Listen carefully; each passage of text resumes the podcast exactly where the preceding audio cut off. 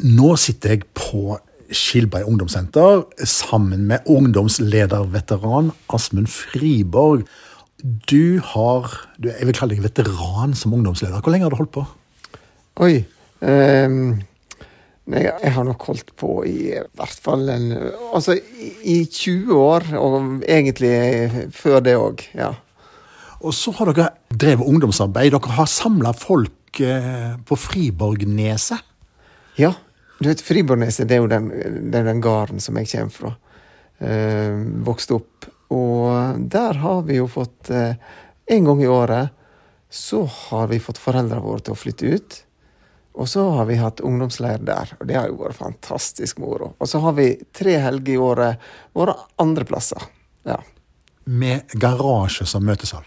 Ja, det fungerer veldig bra, veit du. Da må du sette inn masse stoler og ha en svær dieselvarmer og eh, rigge opp litt lyd og lys, og så er en garasje veldig bra. I hvert fall hvis du har en sånn tredobbel garasje som det er i Friborgneset.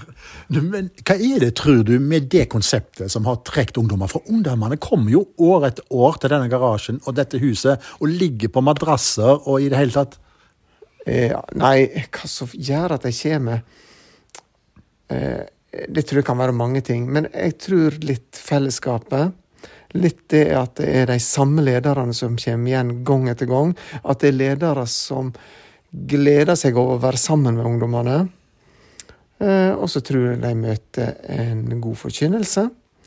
Eh, og så tror jeg de opplever det som godt å møte andre kristne og bli, få nye kristne venner. Eh, For mange av dem kommer fra plasser der de er veldig enslige som kristne. Og du har holdt på i mange år. Hva er det som har motivert deg alle disse åra?